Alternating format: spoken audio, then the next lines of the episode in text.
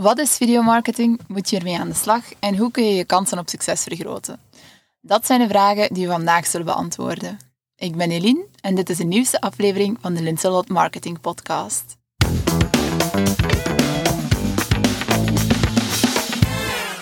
Goed, beste luisteraars, Eline van Linselot hier. Ik zit hier samen met mijn collega Christophe en vandaag willen jullie meer vertellen over online videomarketing. Toch, Christophe?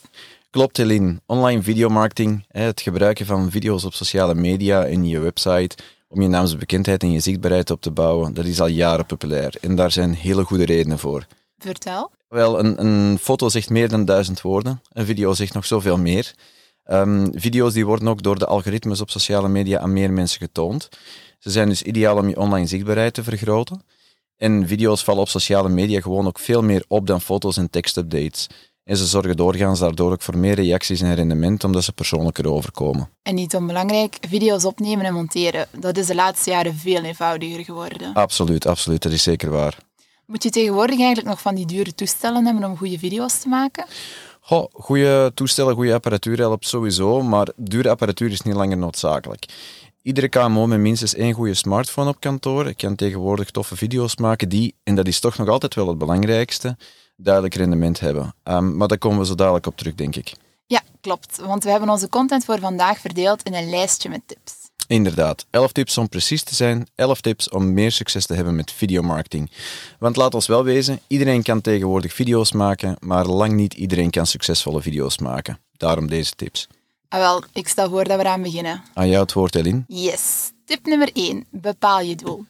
Wat wil je eigenlijk met je video bereiken? Wil je je naamsbekendheid vergroten, je Mhm. expertise tonen, meer of andere producten of diensten verkopen, of meer of betere kandidaten aantrekken, of klanten natuurlijk? Mhm.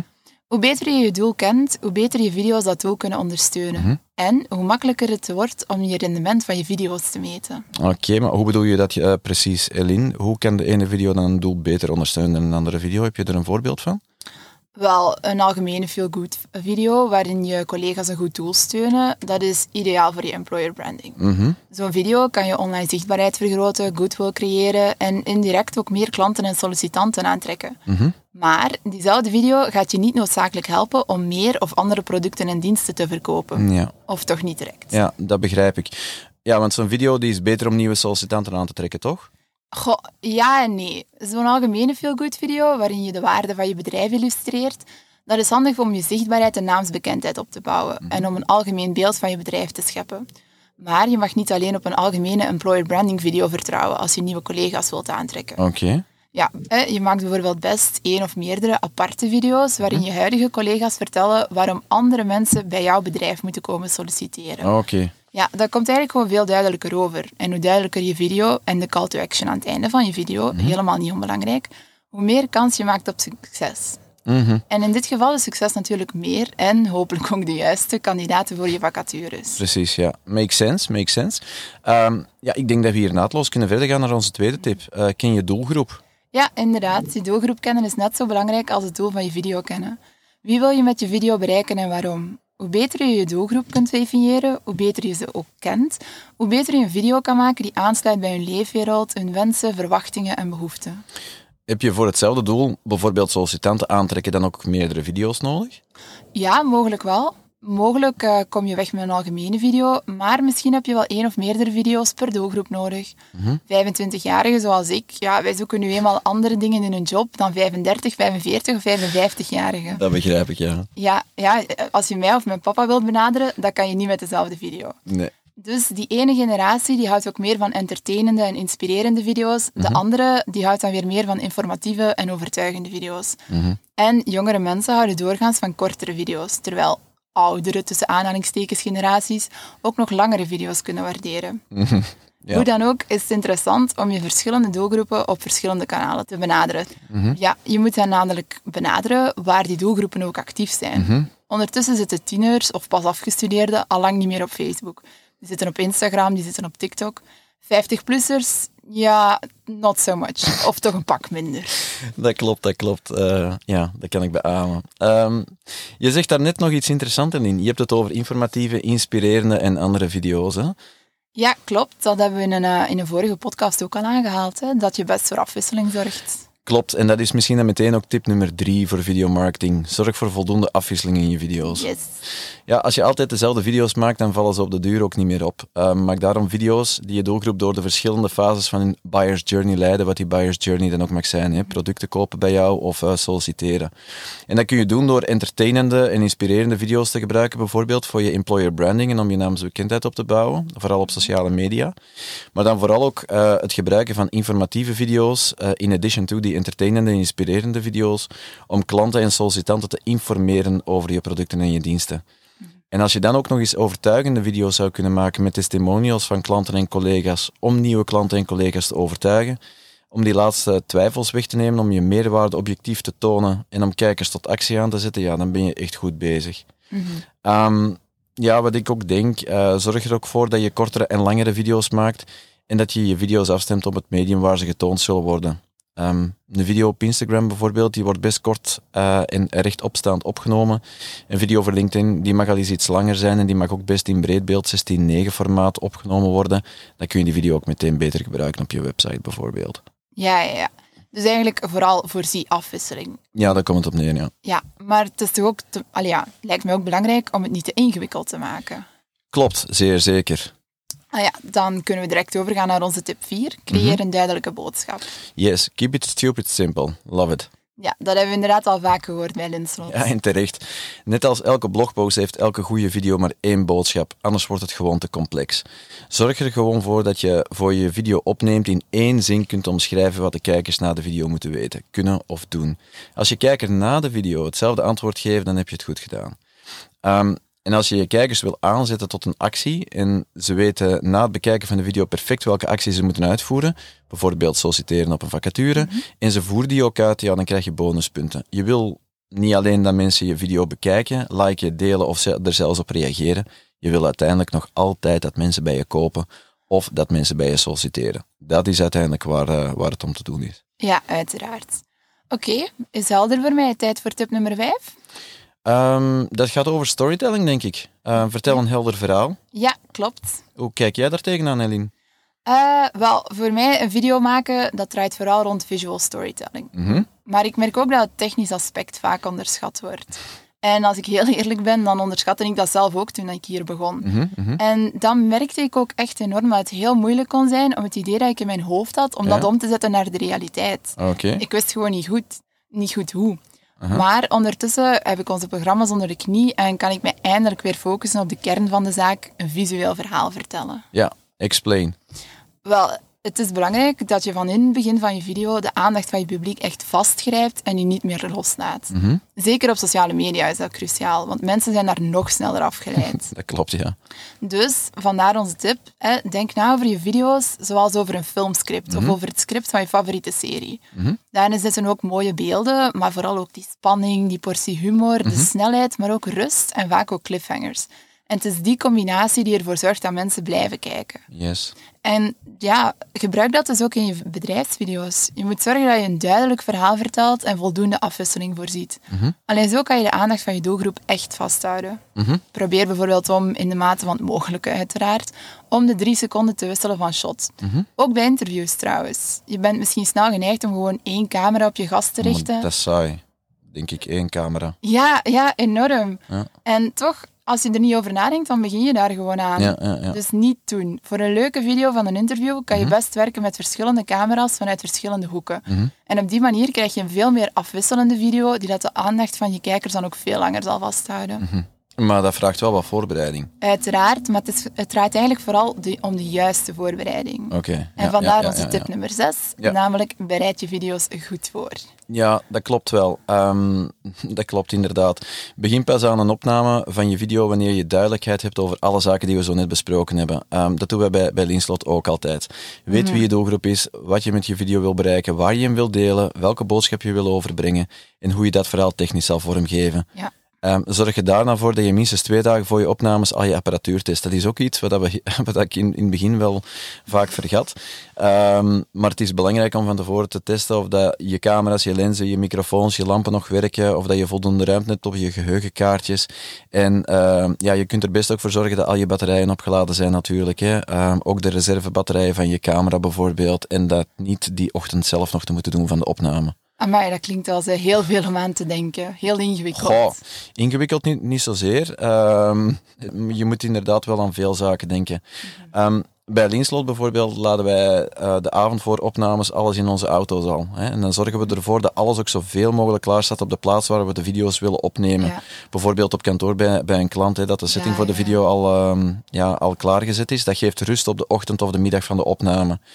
En ja, misschien een kleine tip wel, dat is iets wat ik uh, mezelf altijd weer aan herinner, zeker als het koud is buiten. Uh, laat je camera en je lenzen altijd in een warme omgeving liggen s'nachts. Anders mm. moet je zeker in de winter een half uur wachten voor alles terug op een natuurlijke manier ontdampt is. Want als uh, je lenzen en... op die manier, Precies, ja. als je lenzen in, in, de, in de koude auto liggen en je komt dan binnen in een warm mm. kantoor bij de klant, slaat aan en dat is echt zo, zo, zo irritant. Trust me, been there, done that. Um, ja, op de plaats van de videoopname bijvoorbeeld ook, um, doen wij altijd een hele snelle scan van de ruimte. Hè. Waar is de beste lichtinval? Mm. Waar hoor je achtergrondgeluid? Waar heb je storende voorbijgangers en welke achtergrond is mooi en rustig genoeg om uh, ja, je acteurs zeg maar, tegen op ja. te nemen? Ja, dat is dan een hele boterham. Uh, dat is een hele boterham, ja. En als je dat allemaal helder hebt, dan kun je je setup opbouwen. Hè. Dus statieve camera's, lenzen. En dan kun je er uh, ja, indien nodig ook voor zorgen uh, dat de acteurs in je video goede microfoontjes om krijgen. Soms kun je met een shotgun microfoon op je camera schieten. Dat is zo'n ding dat je erop plaatst. Maar dat neemt nogal redelijk veel omgevingsgeluid op. Soms heb je daspeldmicrofoontjes nodig, zoals ze bijvoorbeeld ook op het journaal op het nieuws dragen. Ja. kies slim in functie van de video en van het omgevingsgeluid. Ja, en daarbij blijft het natuurlijk ook belangrijk, want ook al denk je aan zoveel zaken, Mhm. mm -hmm. het blijft wel zo belangrijk dat we zelf heel veel rust uitstralen. Klopt, absoluut. Mensen blijven mensen. Hoe beter je um, ja, je rust bewaart achter de camera um, en de mensen voor de camera coacht, hoe beter het eindproduct zal zijn. Tijdens opnames is elke cameraman of vrouw ook een beetje regisseur van de beelden die die schiet en van de mensen op die beelden. Ja, ja, uiteraard. Zijn er nog meer zaken waar je bij de voorbereiding van je video's op moet letten? Goh.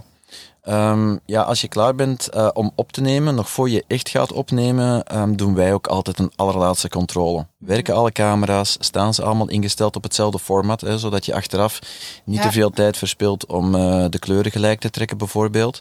Werkt de audio, neemt die scherp op en op de juiste geluidsterkte.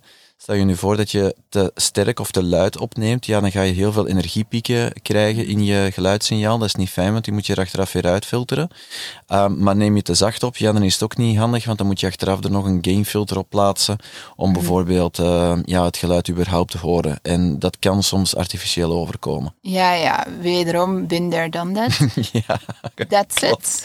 Goh, geniet vooral ook van die opnames. Um, videoopnames zijn heel leuk om te doen. En als je het goed aanpakt, is ook leuk om te ondergaan, om het zo maar even te zeggen. Mm -hmm, wij, kri ja, wij krijgen van klanten toch heel vaak terug, zeker wanneer dat er meer mensen bij een video betrokken zijn, dat een uh, videoopname een beetje is zoals een teambuilding. Hè? Mhm. Mm -hmm. uh, eentje waar iedereen zich kwetsbaar moet opstellen, want bijna niemand vindt zichzelf leuk op beeld.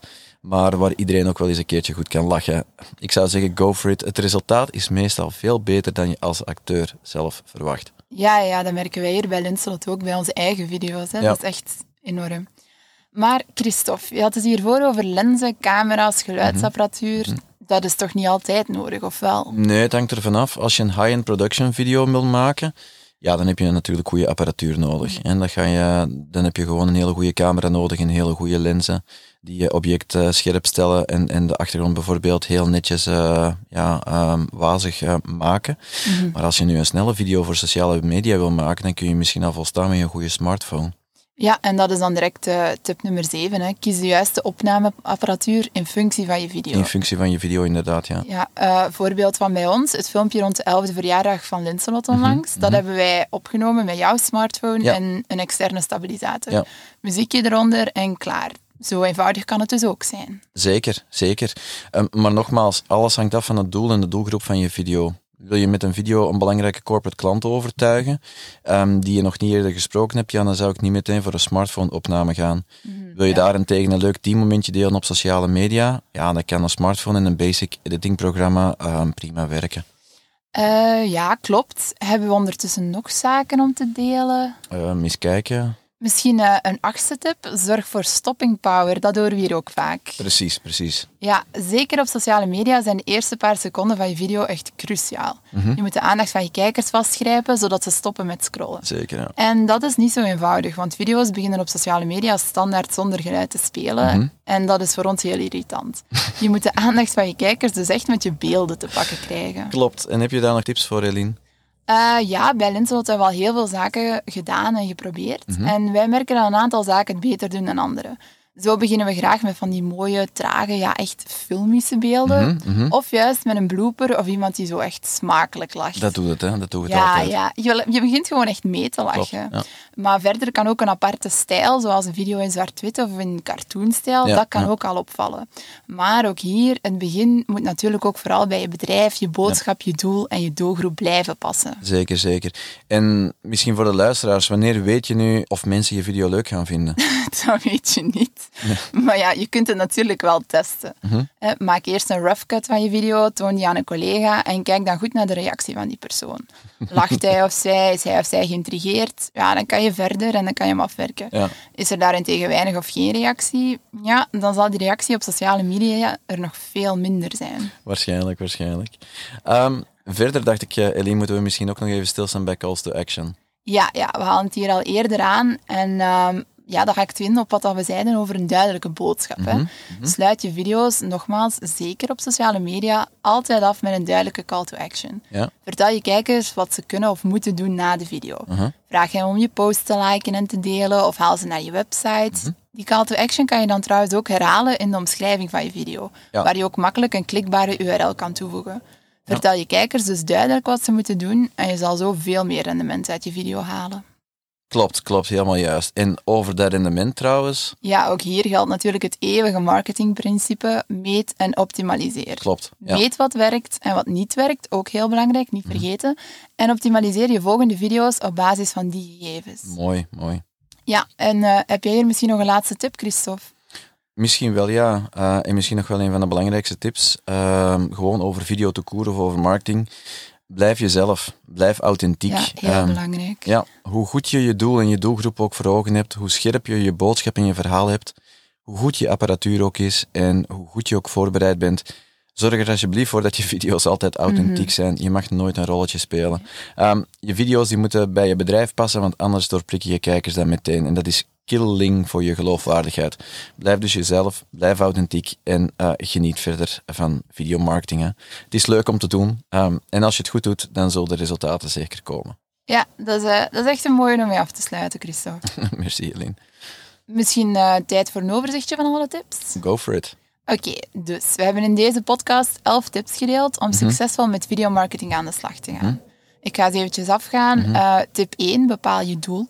2, ken je doelgroep. Ja. Drie hadden we dan, zorg voor voldoende afwisseling in je video's. En bij vier hadden we het over de- het belang van een duidelijke boodschap. Klopt. En bij tip 5, eh, ja, dat is vooral, vertel ook een helder verhaal. Ja.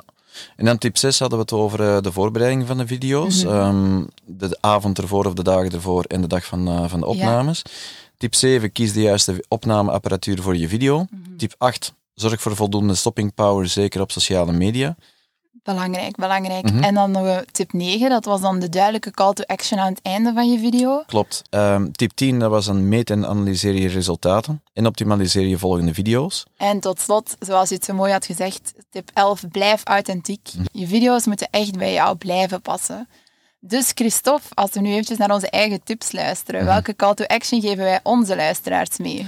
Goh, ik zou zeggen, heb je vragen over videomarketing of wil je hulp bij je videomarketing? Neem dan snel contact met ons op. Onze handen jeuken gewoon om, bij, om je te komen helpen. En verder? Goh, vond je deze podcast interessant? Geef ons dan een 5-star review op Apple Podcast, Spotify of de dienst waarmee je deze podcast beluistert. En deel de podcast vooral ook met je vrienden. Hoe meer luisteraars, hoe meer vreugde. Yes. Bedankt en heel graag tot de volgende aflevering.